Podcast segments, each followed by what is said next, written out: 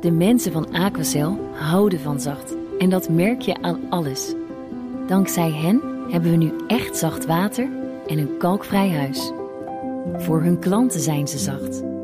Dat zijn ze trouwens ook voor elkaar. Voor ons zijn zij de kracht van zacht. Aquacel. 100% zacht water, 100% kalkvrij.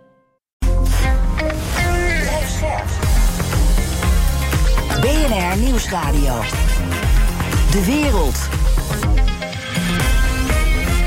Bernard Hammelburg. Welkom bij het beste binnenlandse programma over het buitenland. Straks, Nederland heeft geen terroristische en jihadistische groepen in Syrië gesteund, terwijl dat verhaal jarenlang rondging.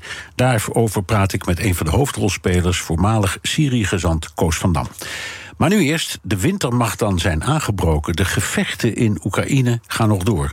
Ook zo in de loopgraven van de stad Bakhmut. Окупанти фактично зруйнували Бахмут, ще одне місто Донбасу, яке російська армія перетворила на випалені Dat was president Zelensky die de Russische aanval op Bakhmut veroordeelde. Oorlogsverslaggever Rudy Franks ging dit jaar voor de Vlaamse VRT meerdere keren naar Oekraïne en schreef er een boek over.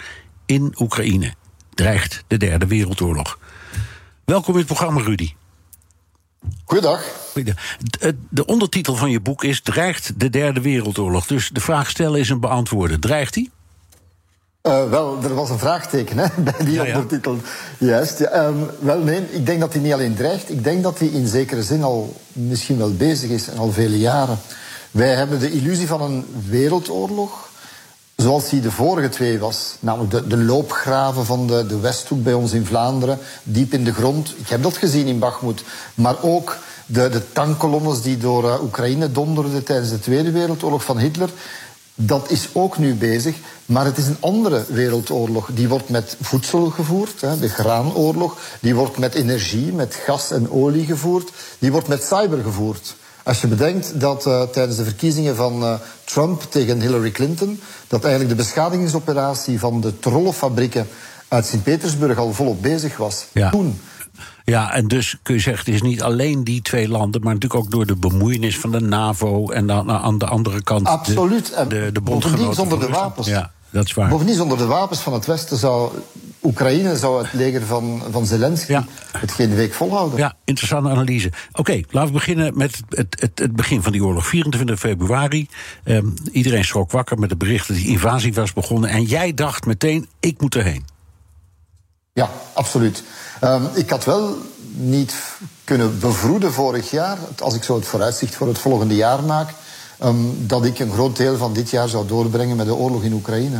Dat dit zou gebeuren op deze schaal en die zo alles verterend zou zijn voor een groot stuk van de wereld, ook voor ons in Europa vooral. En ja, toen dat het losbarstte, dacht ik van ja, ik ken dit. Oorlog is iets wat ik al 30 jaar doe. Ik weet wat je moet doen, hoe je het moet aanpakken, of ik probeer dat te begrijpen. En hier werd geschiedenis geschreven. En ik ben ook historicus van, van opleiding, dus waar die geschiedenis geschreven wordt van onze tijd, daar wou ik echt wel naartoe. Ja, ja, dat is een deel van wat oorlogsverslaggevers doen. Je, je hebt gezeten in Afghanistan, Irak, Syrië. ehm, nou, je, dus je, in het 30 jaar is nog op. Hoe in, in welke zin is dit conflict anders dan wat die andere conflicten die jij hebt meegemaakt en waarover je verslag hebt gedaan? Wel, wat hetzelfde is, zijn de oorlogsmisdaden. De gruwel van IS, de onthoofdingen, die was... Ja, ik bedoel, de oorlogsmisdaden court, ja, die waren er vroeger ook al. De, de hardheid van oorlog, dat was er ook, vluchtelingen. Maar het hele pakket samen maakte dit zo... Miljoenen vluchtelingen die naar West-Europa kwamen, die op ons afkwamen.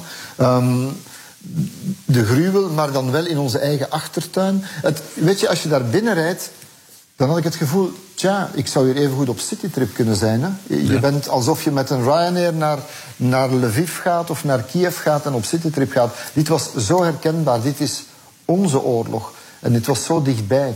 En wat het ook anders maakte is natuurlijk, vandaar ook die, die vraag, dreigt de derde wereldoorlog als ondertitel, dat is de vraag die ik van in het begin, zelfs van, van, van het jongerenprogramma van op de VRT, Caraviti, die kinderen vragen laten stellen. Iedereen stelde mij die vraag. Dus je voelde dat in heel die dertig jaar niets zo hevig geleefd heeft en ook nog steeds leeft. Ja. Ehm, Het, meest opvallende in het begin al van de oorlog was dat de Russen niet zo sterk waren als wij dachten dat ze zouden zijn. Althans, het uh, offensief dat nam een andere wending dan wij hadden gedacht. Grote steden zoals Kiev en Kharkov konden niet worden bezet. Niettemin, de bombardementen gaan gewoon door. Hoe gaan de Oekraïners daarmee om? Wel, een belangrijk element ook van dat dat de Russen waren minder sterk, ja, het Russische leger. Maar het Oekraïense verzet was veel intenser en heviger dan kon bevroed worden. En ik denk dat dat ook te maken heeft met die wil. En dat merk je nu nog steeds. Oorlogen worden gewonnen niet alleen met, oké, met economische macht, met, uh, met, met, met high-tech wapens die het Westen dan levert.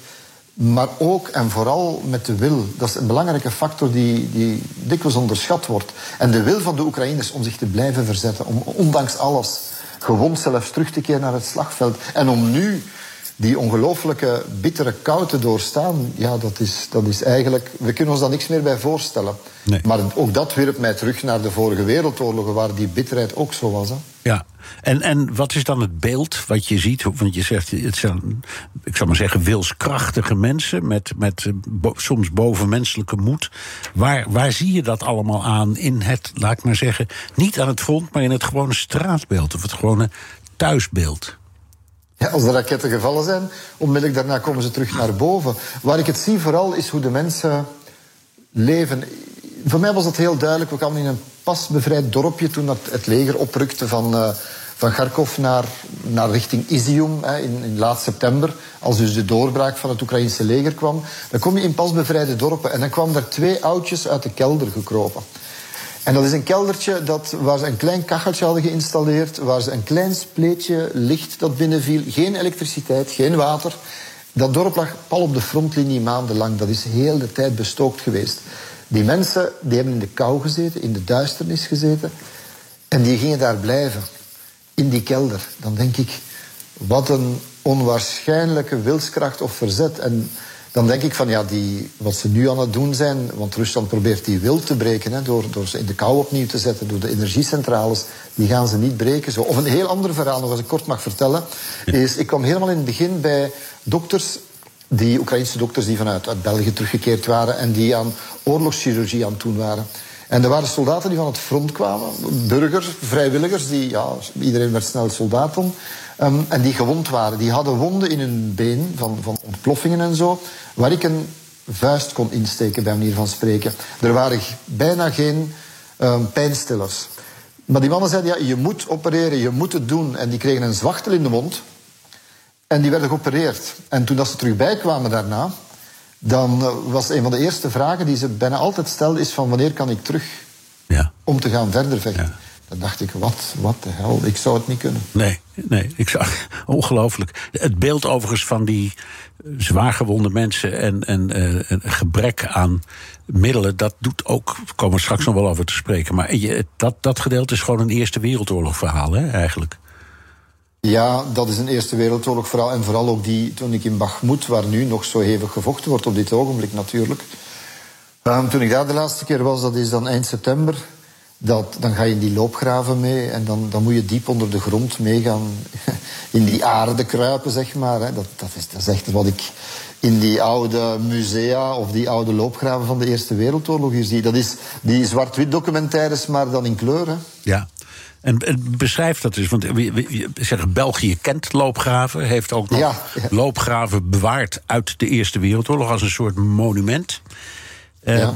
Maar jij zat erin. Je hebt, je hebt gesnoven, gekeken, geproefd, wel, gevoeld. Wel, ja, je moet dus je mag moet voorstellen. Het is op de, op de, ja, echt op de frontlinie. Het is daar dat de Wagnergroep nu mensen in de vleesmolen jaagt, bij manier van spreken. Gevangenen in de, naar de loopgraven stuurt om, om, om gedood te worden, bij manier van spreken.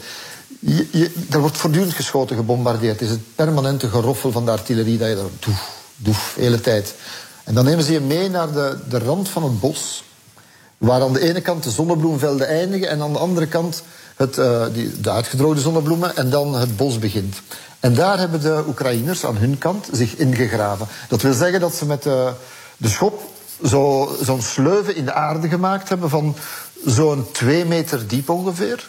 En je, je daalt daarin af en dan van de ene meterslange sleuf kom je bijvoorbeeld in een hol onder de grond. Waar ze de, de muren een beetje vastgeduwd hebben.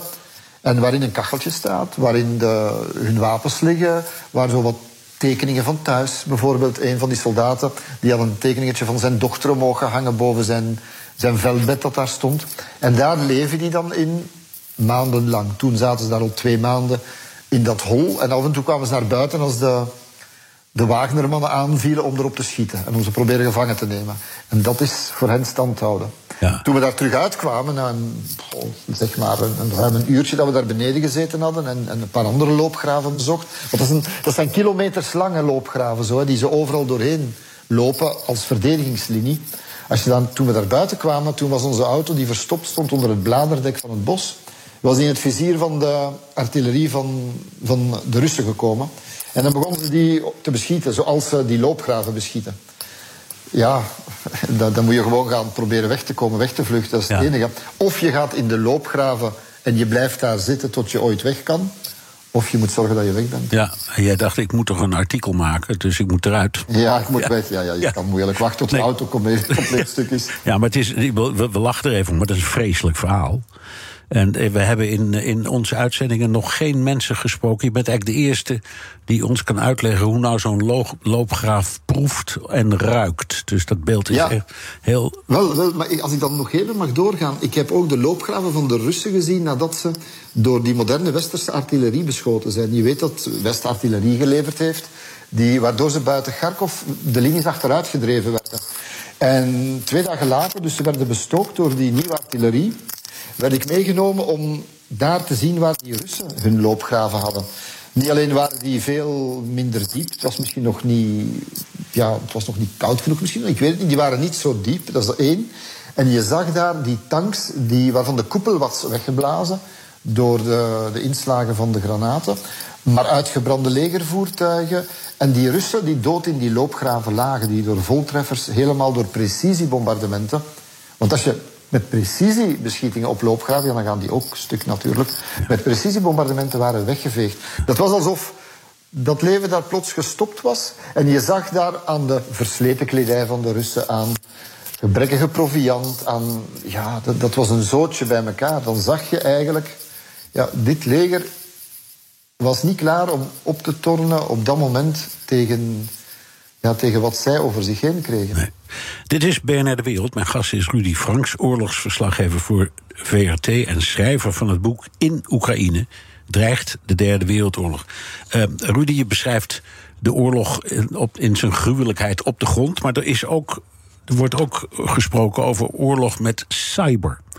En het, voor ons leken is het altijd een beetje moeilijk om na te gaan wat dat nou precies is. Gebeurt het en wat is het? Heb je het gezien? Ja, dat is een beetje. Uiteraard, je hebt uh, op het terrein zelf, wat het nu anders maakt dan toen ik decennia geleden met deze, deze stiel, deze job begon. Je hebt communicatiemiddelen overal. Wat nu een grote rol speelt in, uh, in Oekraïne, is informatie die bijna in real time doorkomt via telegramkanalen. Telegram dat is een soort van sociale Sociaal media kanaal. Ja.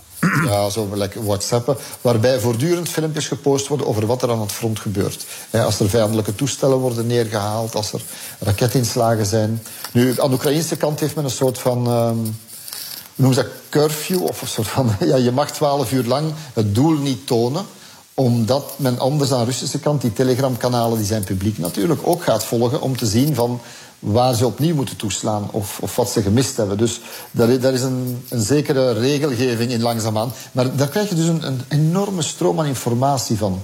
Propaganda voor een deel. Wat je ook merkt is um, met cyber, is, ik heb jonge mensen gesproken, want niet iedereen kan naar het leger. Er zijn heel veel vrijwilligers die zich gaan opgeven om te gaan, te gaan vechten. Maar jonge, jongens van 16, 17, ja, ook, ook meisjes trouwens, die zijn bezig met op alle mogelijke manieren ook zich in te zetten.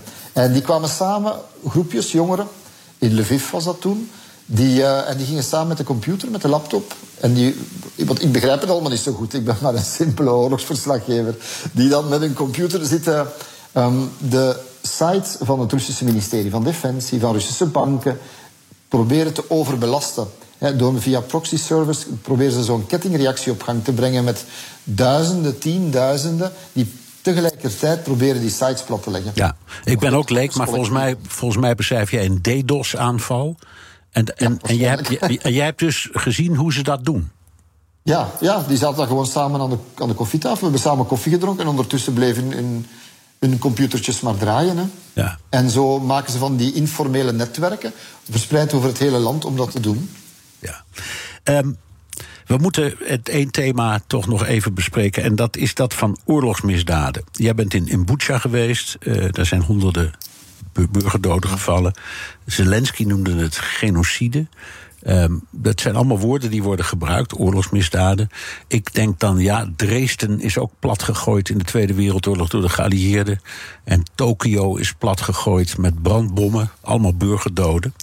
Um, hoe kijk jij aan tegen, laat ik maar zeggen, de definities en het woordgebruik in, in deze kwestie? Ja, je moet daar heel voorzichtig, uh, spaarzaam mee omspringen, laten we het zo zeggen. Um, ik, ik kan geschokt zijn door de bombardementen op burgerdoelen. Maar je moet je altijd de vraag stellen: is dat wat men dan noemt collateral damage? Is dat dan een hoe erg ook? Hè? Ik bedoel, met alle respect. Um, is het dan een oorlogsmisdaad? Niet in die juridische betekenis, veronderstel ik. Maar het is wel zo, als wat ik een week lang bijvoorbeeld gevolgd heb in de buurt van Bucha, Irpin, Borodjanka, rond Kiev, waar het voor het eerst duidelijk werd. Uh, ik heb procureurs gevolgd, uh, Franse gendarmes die daaraan. Uh, de lichamen gingen autopsie op, op uh, toepassen, gingen kijken van hoe zijn die gestorven. We hebben gezien hoe dat lichamen terug opgegraven werden om te kunnen verifiëren hoe ze gedood zijn. Als het lichamen zijn die door scherven van granaten of bommen getroffen zijn, dan kan je spreken van ja, dit is oorlogsgruwel, maar niet noodzakelijk oorlogsmisdaad. Ik wil daarmee niemand tegen de borst stuiten, maar er is een onderscheid. Ja. En als dan bijvoorbeeld bleek dat die mensen, ook kinderen, de handen op de rug gebonden hadden en zo begraven zijn, dan wil dat zeggen dat ze gestorven zijn met de handen op de rug gebonden gevangen. En als ze dan bijvoorbeeld ook nog een, een schot in het achterhoofd gekregen hebben, ja, dan weet je dat er een executie heeft plaatsgevonden. En op die manier is het extreem belangrijk dat elk individueel dossier wordt samengesteld en dat er zo duizenden worden opgesteld, zodat je een patroon begint te zien. En, want dan kan je spreken van oorlogsmisdaden. Of een huis waar ik, ik ga dan proberen ook getuigenissen te vinden van mensen die gevangen zaten onder de Russische, een huis wat onder een Russische commandopost zat. Die man vertelde mij dat boven de mensen gefolterd werden uit zijn dorp. Ja, Hij heeft ook gezien hoe mensen daar zaten voor ze gedood werden. Ja, dan, dan weet je, dit zijn oorlogsmisdaden. Maar het moet wel exact onderzocht worden natuurlijk. Hè. Ja. Um, Ten slotte, dat, dat is heel belangrijk. We begonnen daar ook mee, ook vanwege de titel van je boek, de Derde Wereldoorlog. Um, wie heeft de, la, de langste adem in dit conflict? En wat we kunnen heel makkelijk zeggen, die Oekraïners zijn ontzettend dapper en ze doen het geweldig, maar Rusland is een heel groot en toch ook heel machtig land. Ja, maar Oekraïne is maar zo machtig zolang het uh, Westen hen blijft steunen. Hè. Eigenlijk zal het niet alleen van de wil van de Oekraïners afhangen, maar ook van de volharding en de wil van, van het Westen. Hè. Van de wapens die West-Europa levert, of die uh, Amerika vooral levert. De generatoren die we in de winter gaan leveren, de, de steun die we blijven bieden, de vluchtelingen die we opvangen. Oekraïne kan maar volharden met de steun van de rest van, ja. van West-Europa en van, of van Europa toekoer en van Amerika. Dus daar hangt het van af. En als je bedoelt lange adem, ze hebben alle twee lange ademen. En die gaan, het, dat vrees ik net het probleem. Ze gaan beide blijven tot ze buiten adem zijn, blijven doordoen natuurlijk. Dank. Rudy Franks, oorlogsverslaggever voor de VRT en schrijver van het boek In Oekraïne dreigt de Derde Wereldoorlog. De wereld. Tijd voor het Brusselse nieuws met Europa-verslaggever Geert-Jan Haan. Terwijl Oekraïne nog wel even het toneel van Russische agressie zal blijven, is de rest van Europa druk in de weer met noodhulp voor Kiev. En zelfs het woord wederopbouw wordt in de mond genomen. Geert-Jan, uh, je bent deze week in Parijs geweest op een conferentie die Emmanuel Macron heeft georganiseerd. Welke vormen van hulp zijn er nu voor Oekraïne? Ja, we hebben de afgelopen uh, tien maanden hebben we gezien dat er militaire hulp naar Oekraïne gaat, financiële hulp, humanitaire hulp. En dan heb je hulp op de korte termijn en op de lange termijn. En dan heb je ook nog daarbinnen uh, financiën. Je kan geld aan Oekraïne geven, checks overmaken. Uh, maar je kan ook goederen leveren. En al die elementen zag je eigenlijk terug op die conferentie in Parijs. In de ochtend een internationale donorconferentie afgelopen dinsdag. Waarbij uh, ruim een miljard euro aan nieuw geld is opgehaald voor Oekraïne. Maar daar vielen ook goederen onder, zoals uh, tientallen miljoenen uh, LED-lampen. die vanuit de EU naar Oekraïne gaan. Dat is dus concreet. En in de middag was er een investeerdersconferentie. waarbij Franse bedrijven werden gekoppeld aan ja, Oekraïnse autoriteiten en Oekraïnse bedrijven. Wat kun je voor elkaar betekenen? En dat zijn dus allemaal schaakborden van hulp. waar nu op gespeeld wordt. Ja. In oktober was er in Den Haag ook een conferentie voor Oekraïne. Waarom is de ene conferentie de andere niet? Omdat die conferentie voornamelijk in het teken stond van herstel en wederopbouw. En wat meer dus leek op die middagconferentie in Parijs met investeerders en met maatschappelijk middenveld. En wat je nu eigenlijk sinds twee maanden ziet, is dat. Uh, alles en iedereen bij elkaar komt om Oekraïne door de winter te helpen. Dat wordt winterization genoemd, het winter klaarmaken van Oekraïne. Nou, dat was eigenlijk een proces dat al maanden geleden in gang had kunnen worden gezet. De VN was er in uh, uh, juli al mee bezig. De EBRD ook, uh, dat is de Europese Wederopbouwbank. Maar stond nog niet op ieders netvlies. Ook denk ik, omdat niet iedereen kon bevroeden dat die infrastructuur, die energieinfrastructuur in Oekraïne, zo uh, uh, ja, vernietigd zou worden door Rusland als de laatste maanden is gedaan. Ja. Um, minister Schrijnemacher was daar ook. In Parijs, ja. In Parijs. En uh, die deed een uh, opmerkelijke uitspraak. Juist om te vragen ook van uh, hoe staat het ermee? En ja, schiet op. Want we hebben nu het geld overgemaakt. Het staat op hun rekening. Dus nu moeten ze ook ervoor zorgen dat die contracten er liggen. Dat ze gewoon nu kunnen beginnen. Dus ook daarin jaag ik het aan. Ja, ik vroeg haar, uh, Bernard, uh, wat maak je op zo'n top, zo'n conferentie uh, voor Oekraïne dan mee? En wat hoor je in de wandelgangen? En toen kwam ze dus met een antwoord over ja, haar gesprekken met de Wereldbank en de EBRD. Dat zijn twee grote financiële instellingen die ja. Oekraïne proberen te steunen. En ze gaf ze eigenlijk een sneer. Ja. Uh, een veeg uit de pan. Zo van jongens, wij hebben het geld overgemaakt. Uh, doe er nou wat mee. Ik denk dat ze heel erg eager is en heel graag wil uh, dat er zo snel mogelijk wat gebeurt. Alleen dan had je misschien ook eerder als Nederland 180 miljoen euro kunnen overmaken. Want je doet nu net alsof de bank het geld incasseert en dat er een dag later in Kharkiv ergens een grote generator staat. Ja, en zo werkt het natuurlijk. Alles duurt veel langer. Daar, daar hebben we het al eerder over gehad, ook in de uitzendingen. Um, het gaat dus over wederopbouw. Ja. Um, hoe moet ik me dat voorstellen? Want volgens mij zit het land nog midden in een oorlog. Ja, tegelijkertijd hebben we deze week het bericht gehad dat Nestlé weer een nieuwe voedingsmiddelenfabriek in West-Oekraïne gaat openen. En dat is volgens mij het eerste grote uh, westerse bedrijf, uh, Zwitsers zijn ze volgens mij, die uh, dat gaan doen. Ik heb even gekeken op de kaart. Dat doen ze in het noordwesten, niet ver van de Poolse stad Lublin vandaan, niet ver van de Belarussische stad Brest vandaan. Ze hadden al drie fabrieken in Oekraïne. Ze gaan een nieuwe neerzetten, 1300 banen daarbij. Ja, en dat betekent dat de koude sausen, de KitKats, de Nespresso's, die worden weer beschikbaar voor Oekraïners en ook eventueel voor export naar de rest van Europa. Ja, je moet het maar durven, want kredietverzekeraars, uh, ja, dat is nog altijd wel een, een, een lastige relatie nu met Oekraïne.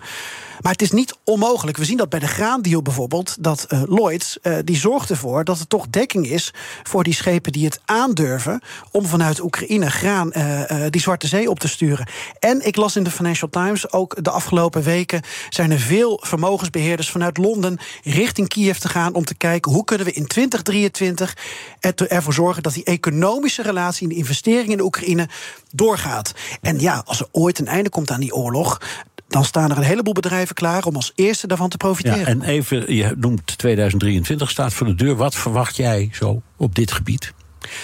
Ja, ik, ik sluit me aan bij wat Rudy Frank zei in jouw eerdere uh, gesprek. Uh, beide landen hebben een hele lange adem, Rusland en Oekraïne. Dus ik verwacht dat die oorlog nog wel even doorgaat. Maar dat er in gebieden die bevrijd zijn en gebieden die minder onder druk staan van Rusland, dat daar toch weer in geïnvesteerd gaat worden. Dankjewel, Europa-verslaggever Geert-Jan Haan. De mensen van Aquacel houden van zacht. En dat merk je aan alles. Dankzij hen hebben we nu echt zacht water en een kalkvrij huis. Voor hun klanten zijn ze zacht. Dat zijn ze trouwens ook voor elkaar. Voor ons zijn zij de kracht van zacht. Aquacel. 100% zacht water, 100% kalkvrij. Dus u wilt meer vrijheid. En u wilt meer ruimte. Dan is het nu tijd om dat waar te maken. Gelderse Woningbouw geeft ruimte. Gelderse Woningbouw bouwt woningen van hout. Meer weten? Ga naar geldersewoningbouw.nl. BNR Nieuwsradio. De wereld. Bernard Hammelburg. De Nederlandse steun aan rebellengroepen in Syrië was zeer risicovol. Maar die steun is niet terechtgekomen bij terroristen of jihadisten. Dat concludeerde de commissie onder leiding van generaal-majoor Patrick Kamaert. Die beelden van uh, pick-up trucks met uh, daarop machinegeweren gemonteerd. Met de suggestie erbij dat dat uh, Nederlandse pick-up trucks zijn. Wat klopt daar nou uiteindelijk van? Wij hebben daar geen aanwijzingen voor gehad. In 2018 concludeerde Nieuwsuur en Trouw op grond van eigen onderzoek dat die Nederlandse steun wel degelijk bij terroristen of jihadisten terecht zou zijn gekomen. Ik praat erover met voormalig Syrië-gezant Koos van Dam. Dag meneer Van Dam. Goedemiddag. Uh, laten we eerst die, die Nederlandse missie nog eens even recapituleren. Wat heeft Nederland nou precies gedaan in Syrië? We hebben de gematigde groepen, een aantal gematigde groepen gesteund. En de bedoeling was dat ze niet in de knel zouden komen tussen het regime en de Islamitische Staat. In de hoop dus om nog een, uh, een, politieke oplossing makkelijker te maken. Maar dat is uiteindelijk niet gelukt, want ja, die oorlog woedde voort en uh, er zijn allerlei groepen in de knel geraakt, ook de gematigde groepen. En uiteindelijk zijn nu dus de meer extreme groepen uh, aan de macht gekomen, als ik het heb over de oppositiegroepen. Ja. Um, en, en waar bestond nou de hulp uit? Want dat is ook belangrijk om nog eens vast te stellen. Ja, die hulp die bestond uit kleding, voedsel, uh, bepaalde apparatuur. In een later stadium ook aan die pick-up trucks. In mijn, in, in, mijn tijd is er eentje geleverd, een tweedehands van een oud dametje. Maar later zijn dat een heleboel geworden. Uh, dat was het zo ongeveer. Ja. Het was in ieder geval allemaal non-lethal aid. Maar je kunt alle hulp natuurlijk altijd ten gunste van, uh, van de strijd gebruiken. Zelfs sokken of voedsel. Ja, en zo'n pick-up truck, als je daar een, een machinegeweer bovenop zet, dan is het plotseling een wapen geworden, toch? Dat klopt. Ja. En, uh, maar bleek dus achteraf ook dat die pick-ups te smal waren voor dit soort wapens. Ja. Maar het was niet de bedoeling dat die, die voor de strijd werden gebruikt. Nee, nee. In het begin van die zogeheten NLA, uh, uh, dat programma, was u Syrië gezant met als standplaats Istanbul. Wat was uw taak daar? Mijn taak was eigenlijk vooral het politieke dossier. Dus om alle mogelijkheden aftasten, verkenning met, met uh, de diverse betrokken partijen.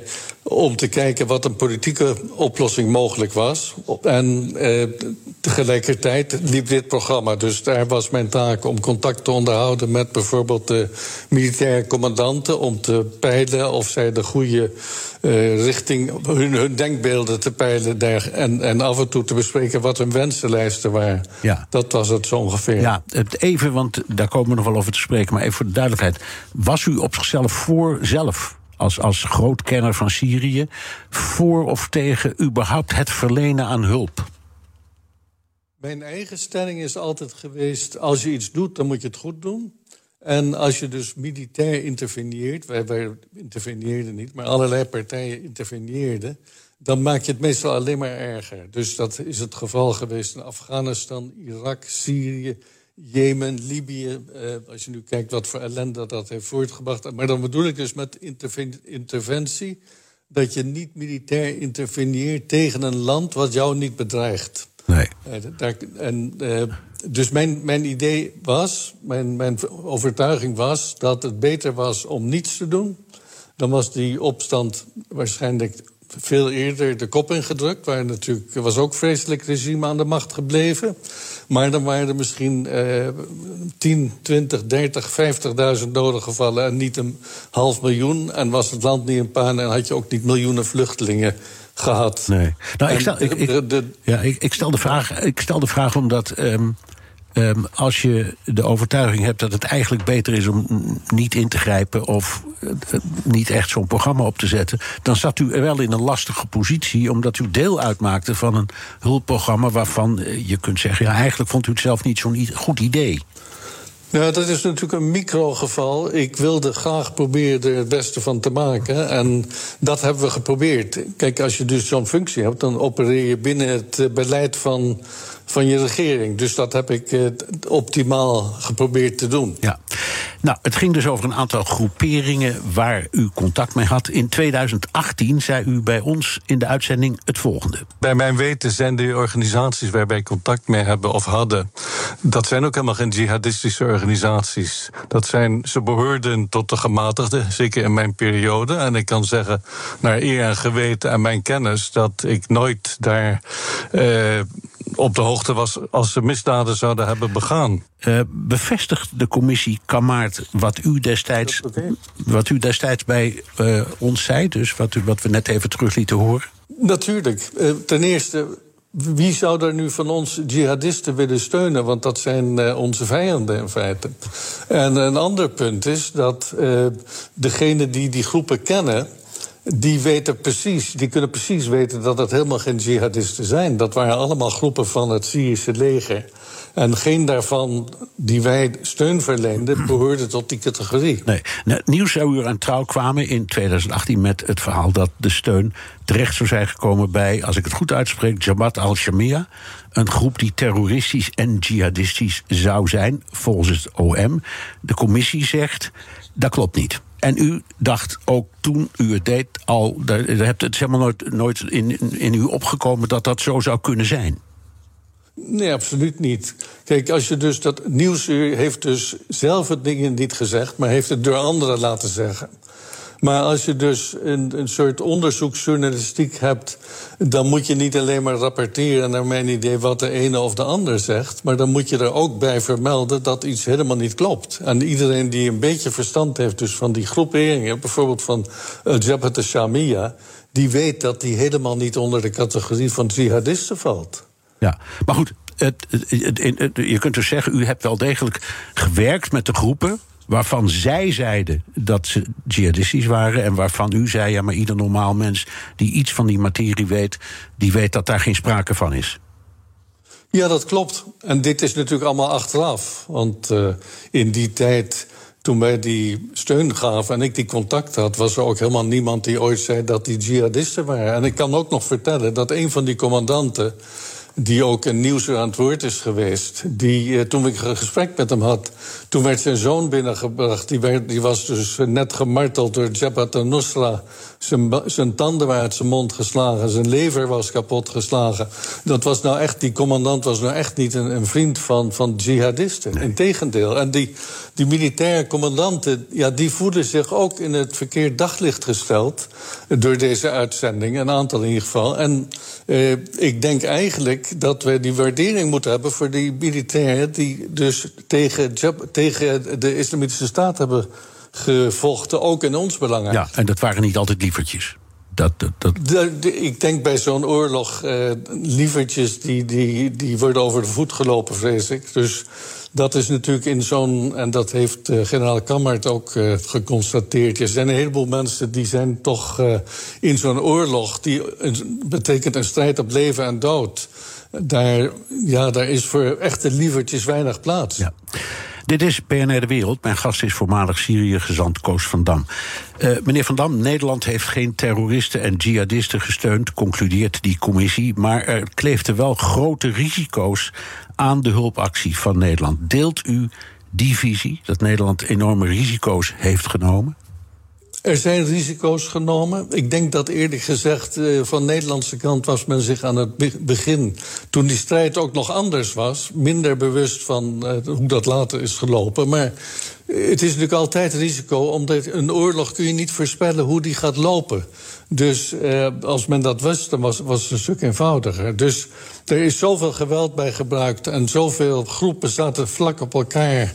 Ook bijvoorbeeld bij de belegering van Aleppo eind 2016. Dus het is inderdaad, er zijn risico's gelopen. En risico, zonder risico's kun je eigenlijk niet bij zo'n oorlog een rol spelen. Nee. Um, de commissie is ook kritisch over hoe de Tweede Kamer werd geïnformeerd over die risico's en wat Nederland nou precies deel, de, deed. Deelt u die kritiek? Uh, ik ben eerlijk gezegd daar eigenlijk nauwelijks bij betrokken geweest.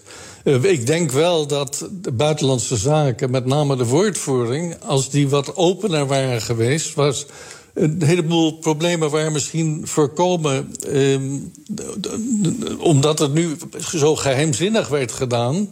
Uh, bleef er allerlei in de lucht, hangen en bestond ook veel ruimte voor, voor verkeerde opvattingen. Dus ik denk dat, uh, dat daar een groot probleem lag. Ja. Nou goed, laten we zeggen, in, in, in, in de maatschappij en de, en de Tweede Kamer, denk ik, leefde heel sterk het gevoel van we moeten iets. Je kunt dit niet laten gebeuren, zulke vreselijke dingen. En dan, dan is het misschien het opbouwen of de, de, de, de consequentie van die gedachte is niet altijd rationeel. Als je zegt, ja, we nee, dat, ja toch? Dat klopt. Uh, dat is de, de, het dilemma met ook de korte termijn politiek en de lange termijn politiek. Dat politici vinden dat ze iets moeten doen. Hun electoraat vindt dat ook. Maar als je dus heel zeg maar, binnen het kader van realpolitiek gaat denken... Hoe, wat gaat dit opleveren op de langere termijn... dan kom je soms tot hele andere conclusies. Dus het is vaak uit emotionele gronden van we moeten iets doen... Eh, zonder dat heel goed wordt bedacht... Uh, stilgestaan bij wat, wat voor gevolgen heeft op de langere termijn. Ja, maar goed, je kunt ook zeggen, uh, het, regionaal had het inderdaad niet zoveel uitgemaakt. En misschien waren er zelfs mensenlevens gespaard. Maar de redenering toen was ook dat IS uh, niet alleen een regionale bedreiging was, maar ook een bedreiging voor ons in Europa bijvoorbeeld. Dus dat, er, dat we ook een, een, een primair belang hadden om IS te bestrijden. Oh, dat klopt helemaal. Dus dat was volstrekt terecht. Uh, en Nederland heeft daar wat dat betreft dan ook een bijdrage in geleverd met de luchtmacht. En dat was volstrekt, dat, dat, was een gevaar voor ons. Dat was dus weer iets anders dan de, de steun voor de oppositie tegen Assad. Ja. Dat was een van de onvoorspeld, minder voorspelbare dingen hoe dat ging verlopen. Maar dat was volstrekt terecht dat wij dus en, en, en de, alle andere landen of de, de, de vijanden van de IS, dat die daar dus uh, heel hard optraden. Ja. Vo volledig. Nieuwsuur uh, heeft u destijds geïnterviewd over dat verhaal in 2018. Uh, ik stel de vraag maar gewoon, zoals ik denk dat, ik, dat die het best uh, is. Hebben ze u uit context gehaald in dat interview? Uh, in dat interview zijn beelden gepresenteerd samen met mijn uh, uitspraken. En die hebben allerlei suggesties gewekt. Dus bijvoorbeeld een beeld van een organisatie, uh, Shuhada Yarmouk, waar we helemaal niks van mee te maken hadden. Die, die bijvoorbeeld de IS-vlag uh, lieten zien en Allahu Akbar riepen. En dan dus met de milieu. Dus er zijn mensen, of een heleboel mensen, hebben daar dus een indruk aan overgehouden die helemaal niet strookte met uh, de realiteit uh, wat van mijn optreden. Nee. Um, ze zeggen in een reactie, en dat begrijp ik, dat uh, in dat rapport ook staat dat Nederland grote risico's nam. Daar gooit het nu over die boeg. En je zou kunnen zeggen, ja, van die grote risico's was Koos van Dam ook weer een onderdeel. Ja, maar die, die grote risico's, dat betreft dus uh, of, of een groep uh, zich gaat aansluiten bij, bij extremisten en dergelijke. Maar daar was helemaal geen sprake van. Er zijn wel mensen overgelopen naar extremistische groepen, maar dat hadden wij natuurlijk totaal niet in de hand. Ja. Dus die risico's, dat, dus bijvoorbeeld. Uh, als je ergens op een plek de, onze, laat ik maar noemen, groepen had... en Jabhat al-Nusra, dus extremistische groepen... en zo'n eh, plek werd aangevallen door IS of door het regime, dan zeiden die groepen echt niet: nee, we, we, voldoen niet aan de criteria als we nu met hen samenwerken, we gaan liever dood. Nee, dat natuurlijk niet. Nee. Dus dat soort risico's neem je altijd. Ja. Uh, nou, hebben, nou hebben Nieuwsuur en Trouw voor die reportages een tegel gewonnen. Dat is een hele. Um grote, hoge journalistieke prijs. Ik denk wel zo'n beetje het neusje van de zalm in ons vak. Wat dacht u toen u dat hoorde en wat denkt u daar nu over? Nou, ik denk dus dat als je zoveel misverstanden laat ontstaan. Uh, als ik in die commissie zou zitten, zou ik, die, zou ik dan niet op de gedachte zijn gekomen om daar een uh, tegel voor uit te reiken. Je kunt natuurlijk allerlei onderzoeken doen, maar het gaat natuurlijk ook om wat er blijft hangen bij de mensen van zo'n onderzoek. En, en dat blijkt dus nu ook uit dit rapport, en ik had het al eerder gezegd. blijken dat volledig onterechte indrukken zijn geweest. Ja, maar goed, ehm, zij hebben dat onderzoek in geval heel langdurig gedaan. En, en zo'n zo'n jury die die prijs uitreikt, die is misschien hooguit onder de indruk van het werk dat ze hebben gedaan. Maar die gaat niet zelf nog een keer eh, waar, aan waarheidsbevinding doen. Hè, dat, dat, maar, maar om het maar simpel te zeggen, zou u zeggen, eigenlijk moet die tegel ingetrokken of eigenlijk moeten ze hem maar terugsturen? Uh, nou, dat gaan ze natuurlijk nooit doen. Uh, maar ik denk dat gezien dus alles wat het teweeg heeft gebracht... dat die vanuit mijn optiek is die tegel onterecht uh, verleend. Ja. Um, ik, nou ja, ik vraag me af, verwacht u dat deze zaak op de een of andere manier nog een, een vervolg krijgt? Want ja, u bent, zegt u zelf, uit context gehaald. Er zijn ook een heleboel andere mensen. U noemde een commandant die er in die reportage zat, die er eigenlijk, om het zo maar te zeggen, niet thuis hoorde. Dus verwacht u een follow-up van welke aard dan ook? Of denkt u, ja, zo gaat dit nu eenmaal, uh, dit verhaal is over? Ik denk dat dit zo ongeveer de laatste stuiptrekkingen zijn. Er komt misschien in het parlement nog een, een, een discussie... maar ik denk dat het met het rapport Kammert het zo ongeveer is afgelopen. Ja. Nou, dank dat u uh, met mij op deze zaak wilde terugkeer, uh, terugkeren en de zaak nog eens wilde bekijken. Koos van Dam, voormalig gezant in Syrië. Nogmaals, hartelijk dank. Postma in Amerika. Tijd voor het Amerikaanse nieuws door de ogen van onze correspondent in Washington, Jan Postma. Jan, een linkse actiegroep zegt tegen Joe Biden: doe het niet. Het is een groep die eh, veel progressiever is dan Biden zelf. En eigenlijk zegt, ja, we hebben geen tijd voor compromissen straks... Uh, als jij voor een tweede termijn wil gaan. Als het gaat om abortus, het klimaat, noem het allemaal maar op. Uh, we hebben eigenlijk veel drastischere maatregelen nodig. En dat kan niet met Joe Biden. If he runs, the election is at serious risk. Joe Biden representing the status quo in 2024 simply won't cut it. We can't afford to risk the White House to a Republican who could defeat status quo Joe.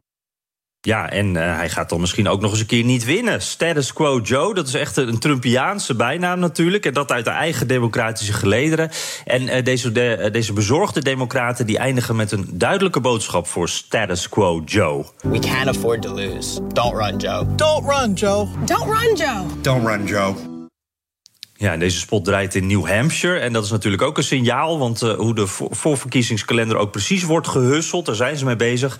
Uh, New Hampshire staat in eigenlijk alle scenario's als een van de eerste staten gepland. En dit spotje die draait, terwijl uh, CNN vandaag net zegt te weten dat Jill Biden de plannen van haar man Joe steunt als hij nog een keer het gaat proberen. Ja, want dus, daar, we'll see. Er, was, er was steeds maar. Um gedoe over. Ze zouden eerst zou de familie het met Thanksgiving doornemen. En daarna zouden we horen wat de beslissing was. En nou stellen ze dat nou weer uit voor kerst. En horen we daarna een beslissing? Of gaat dat gewoon voorlopig niet gebeuren? Nou, ik heb een beetje het gevoel dat, uh, tweede Bernard, dat wij hier blijven gissen en dat ze ons nog even laten gissen. Maar het feit dat het, dit nu naar buiten komt, uh, je weet nooit helemaal hoe dat gaat, maar dat zou ook wel eens misschien een beetje een geplande lek zijn, kunnen zijn om het een beetje warm te houden. Ja. Dus uh, wie weet, toch eerder dan we denken. Oké, okay, we steken even over naar de andere kant. Hè, de andere kandidaat voor 2024. Daar gaat het in ondertussen ook niet florissant mee. Nee, uh, en dat is precies ook iets waar Biden ook naar kijkt natuurlijk. Daar zou zijn beslissing vanaf kunnen hangen. Want Biden die ziet vooral kansen voor zichzelf als hij het tegen Trump op kan nemen. Maar met Trump gaat het op dit moment ook eigenlijk helemaal niet zo goed. Een maand geleden lanceerde hij zijn campagne. Sindsdien hebben we wat relletjes gehad. En verder eigenlijk alleen maar negatieve peilingen. En ik moet er een kleine disclaimer bij geven. Dit zijn vaak peilingen waar Trump het opneemt tegen maar één of twee andere kandidaten. En dat worden er vast wel meer straks. En het is ook nog heel vroeg, dus het zegt nog niet zoveel. Maar wij houden de vinger aan de pols. En als je dan bijvoorbeeld kijkt naar de Wall Street Journal... die hebben een peiling, de conservatieve krant... en daar kiest 52% van de republikeinse primary kiezers... dus dat is ook een belangrijke groep, die primary kiezers... die kiezen voor Ron DeSantis en maar 38% voor Trump. Uh, en DeSantis is ook veel populairder volgens deze peiling. En op Fox hadden ze het zelfs over een peiling uit Utah, waar Trump als derde eindigt, op grote afstand van DeSantis en ook achter Liz Cheney. En die heeft natuurlijk een, strijd gevoerd tegen Trump en nog steeds, en uh, daarmee ook haar congreszetel kwijtgeraakt voor Wyoming. So, double digits behind DeSantis. And I can't quite figure out the Liz Cheney angle here because she lost her race in Wyoming by a mile to the Trump backed candidate, Yep. Harriet Hagman. But that's what this poll found. And it shows Donald Trump is in this poll being slaughtered by Ron DeSantis. Ja, slaughtered. Je hoort het er een beetje zachtjes zo zeggen, maar ze zegt het wel. En dat op Fox News. Betekent nog heel weinig, maar ik denk op de Cheney Ranch in Wyoming... schieten vader en dochter nu een paar keer met hun eh, geweren in de lucht. En in Mar-a-Lago zouden ze wel eens eh, een beetje moeten kunnen oppassen... voor laagvliegende ketchupflessen. Ja, even, even heel, heel snel, want het, die vraag hoort erbij, Jan. Wat is er gebeurd? Wa- wa- Wat, wat, waarvan denk jij, dit is wat Trump nou verkeerd heeft gedaan? Was dat die, de, die dineetjes met eh, foute antisemitische, racistische mensen op Mar-a-Lago? Ja, dat, ik heb het gevoel van wel. Want als je kijkt, nou ja, je start een campagne, dan wil je natuurlijk positief nieuws. Het begon al negatief omdat die eh, midterms tegenvielen. Eh, Georgia werkte natuurlijk ook tegen Trump, want zijn kandidaat verloor daar. Allemaal negativiteit. En wat brengt Trump zelf in? Inderdaad, een etentje met een bekende antisemiet en holocaustontkenner. Eh, ah, echt, eh, het, het duurde eventjes, maar Republikeinen steeds dichter bij de macht, die dat allemaal afkeurden. En heel veel negatieve publiciteit. En ik kan me voorstellen dat veel mensen daar toch van dachten, Republikeinen ook, van ja, kiezen we nou nog, nog een keertje voor eh, zoveel drama de komende vier jaar? Of, of moeten we dan toch voor een Ron DeSantis gaan, waar het toch al goed mee ging? Ja. Dus dat speelt allemaal wel mee. Ja, hij komt echt bovendrijven. Even, even eh, wat anders, Jan. Er waren tranen bij de onthulling van het officiële portret van Nancy Pelosi. Ja, die eh, stopt als Speaker of the House hè, per januari. Want eh, nou, Democraten raken daar eh, de meerderheid kwijt. Dan krijg je een portret. En John Boehner die kwam even terug. En die was zelf natuurlijk Speaker of the House. Een republikein die, die, die afscheid nam van Washington met, nou ik zal maar zeggen, de hete adem van de Tea Party in zijn nek toen. En, en eigenlijk een beetje zo toen Trump aan het opkomen was. Wat meer een republikein van het oude stempel. En die man was helemaal klaar met Washington op dat moment. En hij is ja, soms wat excentriek, zal ik maar zeggen. Hij wordt soms bijvoorbeeld op onverwachte momenten wel eens wat emotioneel. En dat verwacht je niet bij hem als je hem ziet. En nu bij die onthulling van het officiële portret van Pelosi ook. En, en dat is de stilte die je straks hoort. Ik vond het wel mooi om dit even te laten horen. Want het is eh, hieruit blijkt dan dat het niet altijd ruzie is in dat congres. Dit is echt wederzijds respect tussen een republikein en een democraat. En dat was wel heel mooi, maar tegelijkertijd is het ook een beetje confronterend. Want dit zijn de warme woorden van twee mensen die afscheid nemen of, of hebben genomen. En eigenlijk een beetje dus twee mensen uit een bijna vervlogen tijdperk. You know, the younger generation today has a saying game recognizes game. And the fact of the matter is, no other Speaker of the House in the modern era, era Republican or Democrat, uh,